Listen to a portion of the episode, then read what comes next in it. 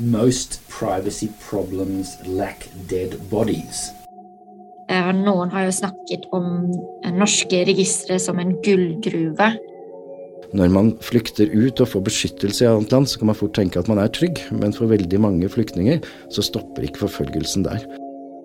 Personvern og ytringsfrihet er eh, goder vi kanskje ikke tenker så mye på i Norge, men eh, som er mangelvare dessverre i mange land.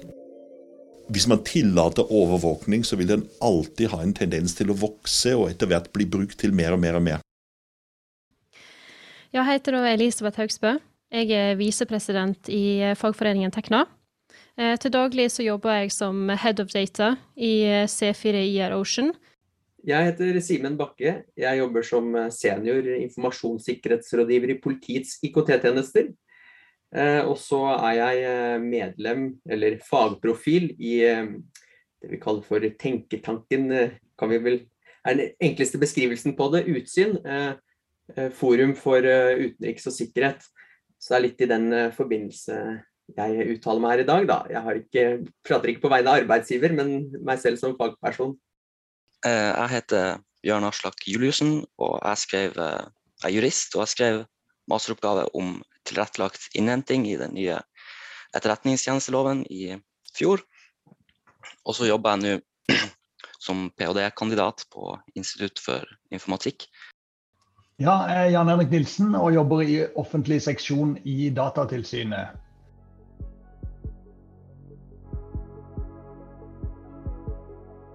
I forrige episode snakket vi om et tema vi kaller privatisering av myndighetsovervåking. Altså hvordan myndighetene samler inn eller kjøper data fra private selskaper for å drive f.eks. etterretning eller etterforsking. I denne episoden skal vi snakke om hvordan forskjellige typer informasjon fra internett og mobilen din samles inn og i praksis kan gjøres tilgjengelig for de hemmelige tjenestene i Norge. Gjestene diskuterer to helt konkrete eksempler, nemlig den nye etterretningstjenesteloven, som ofte kalles digitalt grenseforsvar, og et forslag som åpner for at PST kan lagre, systematisere og analysere store mengder åpent tilgjengelig informasjon til etterretningsformål. Vi skal altså innom både innenlands og utenlands etterretning. Akkurat hva foreslås det å samle inn, og hvordan kan man skille relevant og irrelevant informasjon? Skal man gjøre målrettede søk, eller lete i store datamengder etter noe mistenkelig? Og hvordan utfordrer teknologien tidligere begrensninger, og hva med dataens tilbakevirkende kraft? Takk Gud for at vi har med oss et flinkt panel i dag også.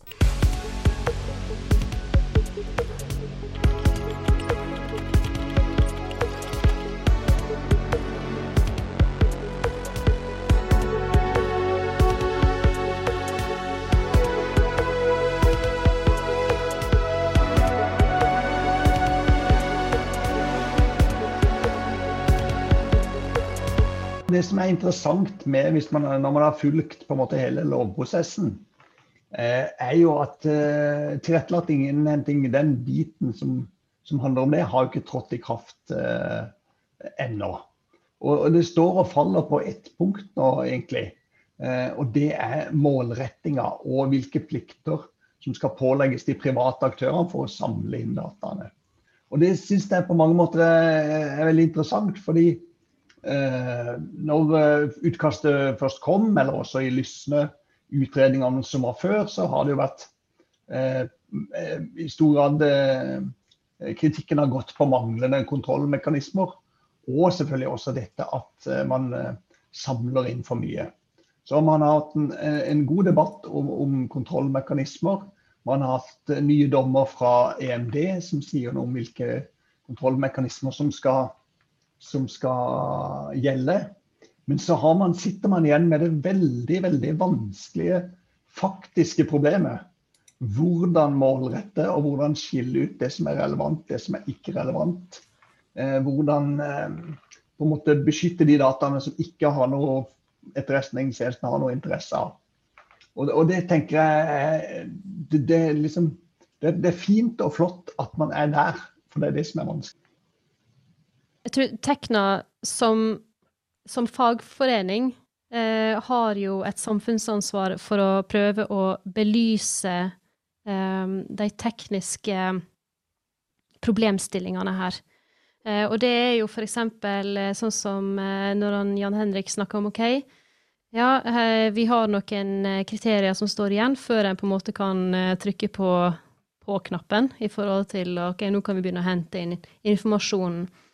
Eh, og, og, det går jo på ja, ikke, ikke bare det at en, en, må vite hva skal en hente inn, hvorfor skal en hente inn det her, eh, og hvordan skal en behandle det. Eh, og hvordan skal det lagres, og hvordan skal du ha tilsyn, og hvor, hvem skal gjøre det. Og det er veldig mange sånne baller som er litt sånn oppi lufta. Eh, og så oppi, oppi der så har en jo kompetan altså kompetanse. Eh, og når den setter på en måte, når den skrur på det maskineriet her nå, da, så er det jo veldig mange nye eh, Ikke nødvendigvis kompetanseområder, da, men nye stillinger som må til for å kunne ha det her eh, som en fungerende, velfungerende eh, Ja, hva skal jeg kalle det? Strategi eller eh, lov, lovendring. Eh, og, og vi sliter jo allerede nå med kompetanse i samfunnet eh, når det gjelder IKT, IKT-sikkerhet. Det er ikke nok folk. De folka vi har, er kjempeflinke. Det er bare ikke nok av dem. Eh, og så skal jo en ha på det her i tillegg. Og, og på toppen av det så ser en jo at veldig mange andre samfunnsfunksjoner òg eh, trenger samme type kompetanse. Eh, og, og en ønsker jo i hvert fall at eh, et system sånn som det her bør jo virkelig ha de aller, aller beste hodene for at det her skal fungere på best mulig måte. Både på de som opererer eh, algoritmene eller eh, leser, forstår det som kommer ut, tolker det, eh, men òg på de som skal gjøre tilsynet. Eh, så sånn, igjen litt sånn spørsmål, kasteball opp i lufta fra, fra vår side.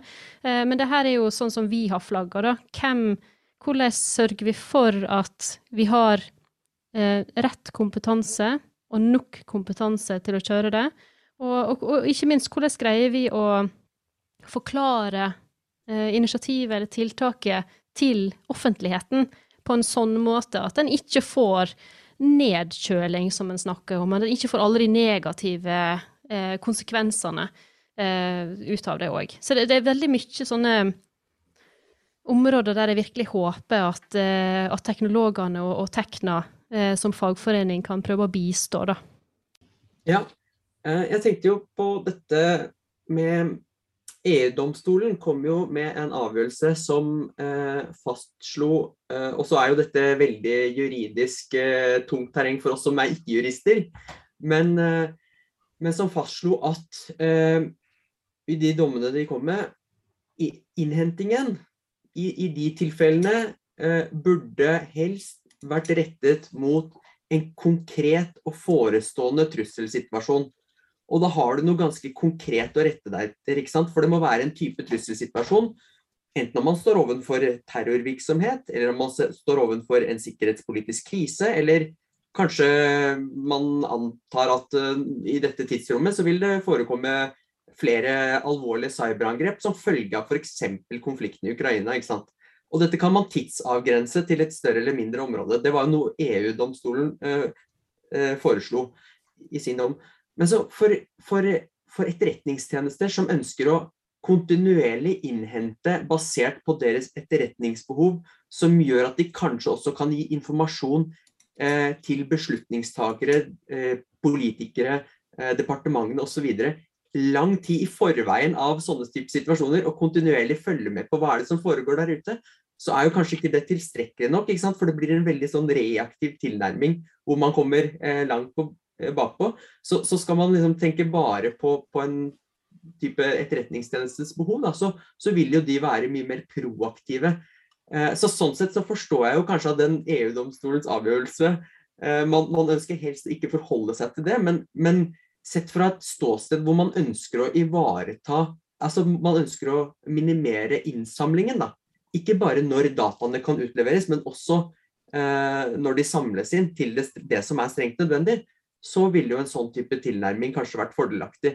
Men for etterretningstjeneste så blir det kanskje litt mer tungvint å få gjort jobben.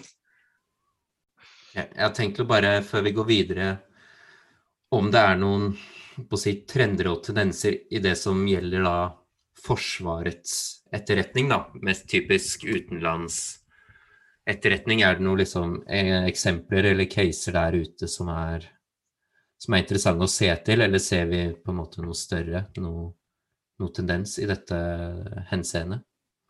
Jeg vet ikke om det er noe klokt å, å si her, eh, Jan Henrik f.eks.? Jeg tenker kanskje at vi i Norge er i den situasjonen eh, at det ligger an til at utenlandsetterretninga er bedre regulert enn innenlandsetterretninga. Hvis man sammenligner eh, forslaget til ny lov om etterretningstjeneste og det siste forslaget om at PST skal hente inn fra åpne kilder, så er det ganske stor forskjell på hvordan man har utforma bestemmelsene på det. Og det er en situasjon hvor man egentlig ønsker en strengere kontroll av innlandsetterretning enn utenlandsetterretning. Vi snakker altså her om den nye etterretningstjenesteloven som allerede har trådt i kraft i Norge.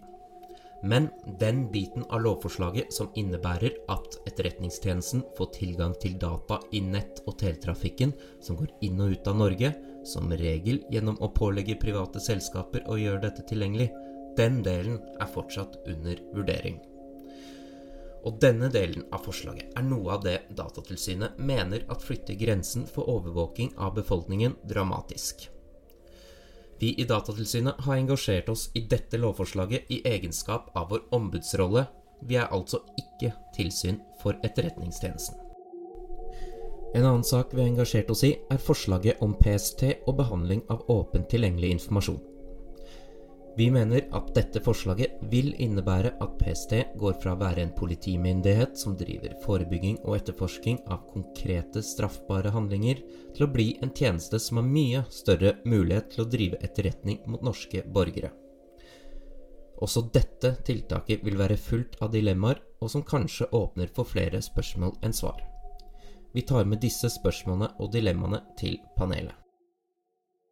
Da hopper vi jo over på det, det lovforslaget som også vi eh, i Datatilsynet eh, leverte høringssvar på, Jan Henrik. Eh, kan, vi, kan, vi, bare ta oss gjennom det, eh, det lovforslaget før vi går videre på det? Ja, det er jo et forslag som er lansert som i sin på en måte litt frie form, som det har, eh, sier at eh, PST skal få lov til å innhente opplysninger fra såkalte åpne kilder på internett, og lagre dette i 15 år. Eh, I utgangspunktet skal dette brukes kun til det noe vage formålet å analysere trender og utvikling. Det ligger mekanismer i forslaget som knytter det ganske direkte opp mot de oppgavene PST har. Mm. Eh, og Hovedproblemet er de manglende begrensningene eh, i innsamlinga først og fremst, og kontrollmekanismer. Mm. Det er jo mange, mange, dilemmaer her, men er det litt det at også at uh, at uh, hensikten liksom ikke er å få en mistanke verifisert, men se om man kan finne noe mistenkelig? Er det litt det som er problemet her? Elisabeth, f.eks.? Ja, jeg, jeg, satt og klødde litt etter å svare litt på den. For det, jo, det var jo noe av det som, som, vi har dratt fram litt fra Teknas side. Der, det er jo en ganske stor forskjell på å bruke informasjon for å, å si, verifisere en trussel, eller verifisere noe som sier at du OK, nå vet vi at noe muffins foregår her. Kan, hva slags type åpne kilder kan vi bruke for å faktisk bygge saken? Mot på den andre sida, der bare, vi bare tråler rundt omkring, og så Å, her var det noe mistenksomt. Her, her ser vi hva vi finner. Det, det er to vidt forskjellige bruksområder. Eh, og, og, nå er jo ikke jeg ikke politi, så jeg jobber ikke, jeg, jeg jobber ikke i det med fagfeltet. Men som, som, privatperson og som teknolog så stiller jeg jo litt spørsmål på eh, om det er så lurt eh, å å bruke tilfelle nummer to, da, der du leiter etter noe som kan være problematisk, og, og bygge saken rundt der, eh, mot det andre formålet der du kan bruke åpne kilder på å avkrefte eller bekrefte en, eh, en, eh, en mistanke som en har. Når det er sagt, så er det jo òg et uh, reelt problem og en stor bekymring eh, på lagringstid. Eh, for i motsetning til, eh, til etterretningsloven, som, eh, som har ja, ikke veldig lang lagringstid, men i hvert fall sånn passelig lang, så har jo PST gått ut og høyt og sagt at de skal lagre det i 15 år. Og da blir jeg litt sånn, OK, er det noen som husker hva de skrev, si på Facebook, for 15 år siden? Og tanken på at det kan bli da lagra i og det du sier i dag, da, blir lagra i 15 år framover. Eh, hvor eh, bruk av media som du snakker gjennom eller kommuniserer gjennom, har endra seg totalt. Eh, og dine syn har endra seg totalt. Eh, du som person, kanskje, og samfunnet. Der, og det, det, er heller ikke noen god begrunnelse for hvorfor de har valgt den lange lagringstida. Eh, og så er det jo igjen, da, Eh, det der med å ha informasjon over en lang periode, så er det kanskje ikke noe bruk for den informasjonen sånn før det har gått 14 15 år. Og da, Litt tilbake til det du Simen sier i forhold til ok, det å lagre minst mulig data, da, det er jo en kunst. Eh, og det er jo da du virkelig kan få god nytte for dataen òg. Men ja, det var nå bare kaste inn den biten av, eh, av forslaget. Mm. Eh, før du får ordet, Bjørn Aslak, eh, så syns jeg dette med liksom, dataens tilbakevirkende kraft er interessant. Og du, du ytra vel mye kontroversielt på Nettby i sin tid, eh, Jan Henrik? Kan du stå inn for det i dag? Jeg var heldigvis ikke på, så aktiv på Nettby. Jeg jobba i barnevernet på den tida. Og det var et tilbakevendende sted. Nå var det et stort nettsted med vel 800 900 000 brukere. Men det hadde sine mørke sider. Eh, og det vil jo være noe som typisk det er lagt ned nå. Men det vil da gå inn i dette lageret, f.eks. Hvis man skulle ta lovforslaget på ordet. Og man har ikke tilgang til dataene mer. Man husker nok knapt hva man har sagt. Og man vet ikke hva andre har sagt om en. Eh, og det, det illustrerer litt hvor, hvor eh, vanskelig det ville være for borgerne å orientere seg i dette landskapet over 15 år. Mm. Bjørn Aslak? Ja, et argument man kan, kan, høre for dette eh, lovforslaget, er jo at eh, det er data som folk har lagt ut sjøl. Um, og det var et, et, nylig et veldig interessant innlegg i Aftenposten fra tre forskere fra Simula MET som skrev at uh, som viste til forskningsrapporter om hvor mye eh, potensielt eh, sensitivt innhold det er i, i, åpen informasjon som nødvendigvis ikke den som har lagt det ut og posta det, har, har, tenkt over. Og da var det visst bl.a.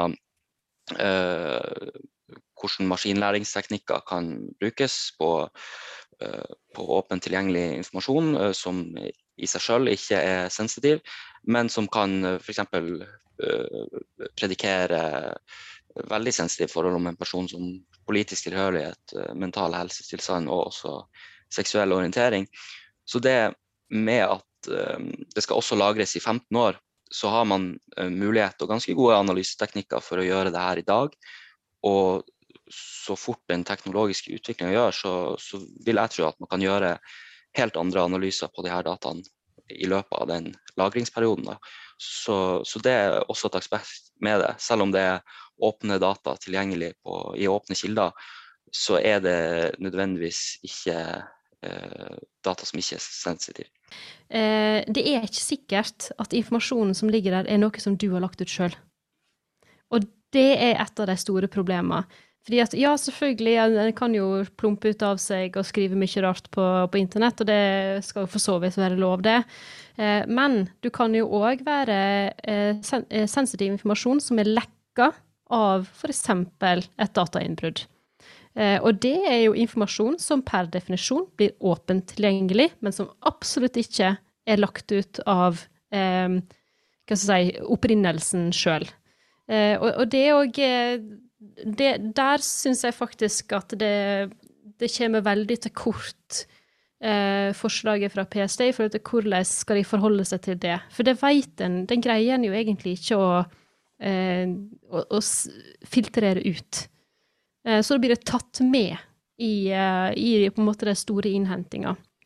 Så jeg vil bare poengtere det ut at uh, i utgangspunktet så skal det jo være informasjon du har lagt ut sjøl, men det trenger ikke være det. Ja, og det er ikke sånn at, um, er, at, at, at, de dataene må lagres i 15 år, men det er en mulighet til å lagre det i 15 år. Uh, men det, jo, det, kan jo skje enormt mye lovendring i løpet av 15 år. Altså Vi snakker om uh, fire, nesten fire stortingsperioder. og Vi som norske borgere vi er jo veldig tillitsfulle og har tro til myndighetene våre. Og ting er veldig stabilt og fint. Eh, det har vært det i lang tid, og det er det i dag.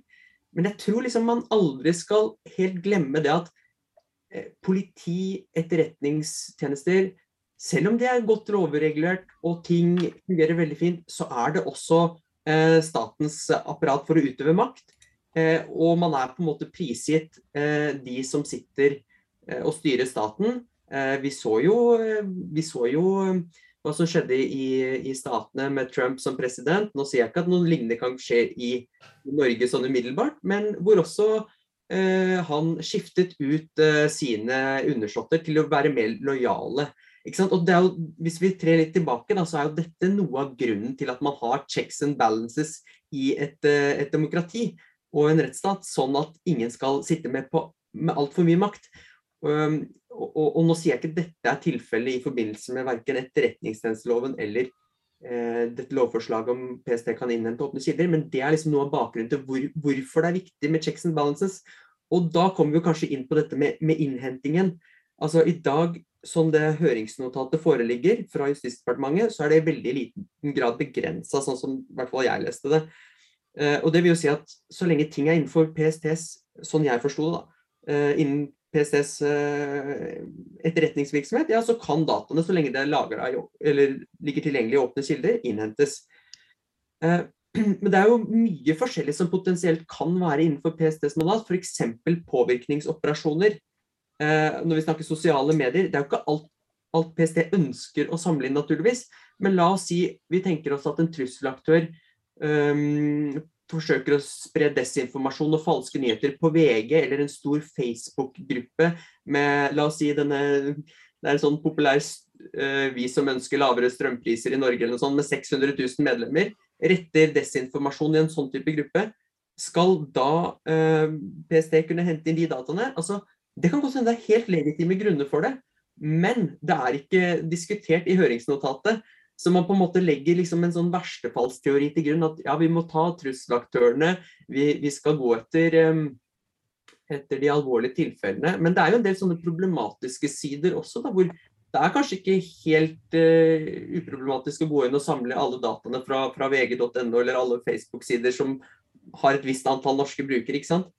Selv om man ønsker jo å, å få å tatt de som står bak sånne type operasjoner, men det er noen dilemmaer der man må diskutere, da, og det må et sånt høringsnotat bidra til å synliggjøre.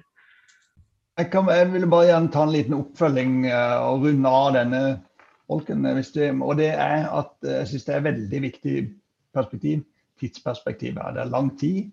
Uh, synet på overvåkning og, og, hvilke muligheter og hva man skal gjøre, endrer seg. Og det har man jo sett de siste ti 10-15 år har det jo endra seg totalt etter 9-11. Og, og, det er ikke lenge siden at EOS-utvalget hadde en tilsynssak overfor PST, hvor PST hadde lagra én medlemsliste i et politisk parti. Eh, mens eh, hvis man skal overvåke sosiale medier og gå inn der, så vil man få oversikt over grupper, politisk tilhørighet, meninger med en gang. Og jeg syns det er interessant Eh, for at vi i dag eh, har en PST-sjef som sier vi er ikke et meningspoliti, som han uttalte til Aftenposten etter trusselvurderingen. Og det er jeg jo veldig glad for. Men eh, man kan lure på hvorfor det er nødvendig å poengtere det. Eh, jeg tror ikke vi har et meningspoliti, men jeg syns det er interessant at akkurat den formuleringa blir brukt. Hva, hvilke vurderinger blir gjort før det? Hvilke diskusjoner blir tatt omkring det nye lovforslaget? Eh, som kan begrunne at man føler at man er nødt til å si det.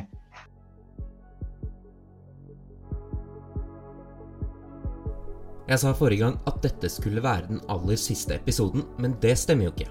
Det er rett og slett ikke sant, fordi panelet de blir med oss i én episode til. Da skal de diskutere potensielle konsekvenser av overvåking, slik som nedkjølingseffekt, formålsutglidning, utleveringspress og tillit. Dessuten skal de snakke om utfordringer som følge av selskapers deling eller salg av data, og utfordringer og dilemmaer knyttet til at myndighetene tar i bruk teknologier som f.eks. algoritmer, kunstig intelligens og nye analyseteknikker. Og klarer vi egentlig å ivareta en god demokratisk prosess når innsamling skjer hos private selskaper? Jeg håper du har hatt en god lytteropplevelse, og at du ønsker å bli med på én episode til. Og det blir den siste, jeg lover.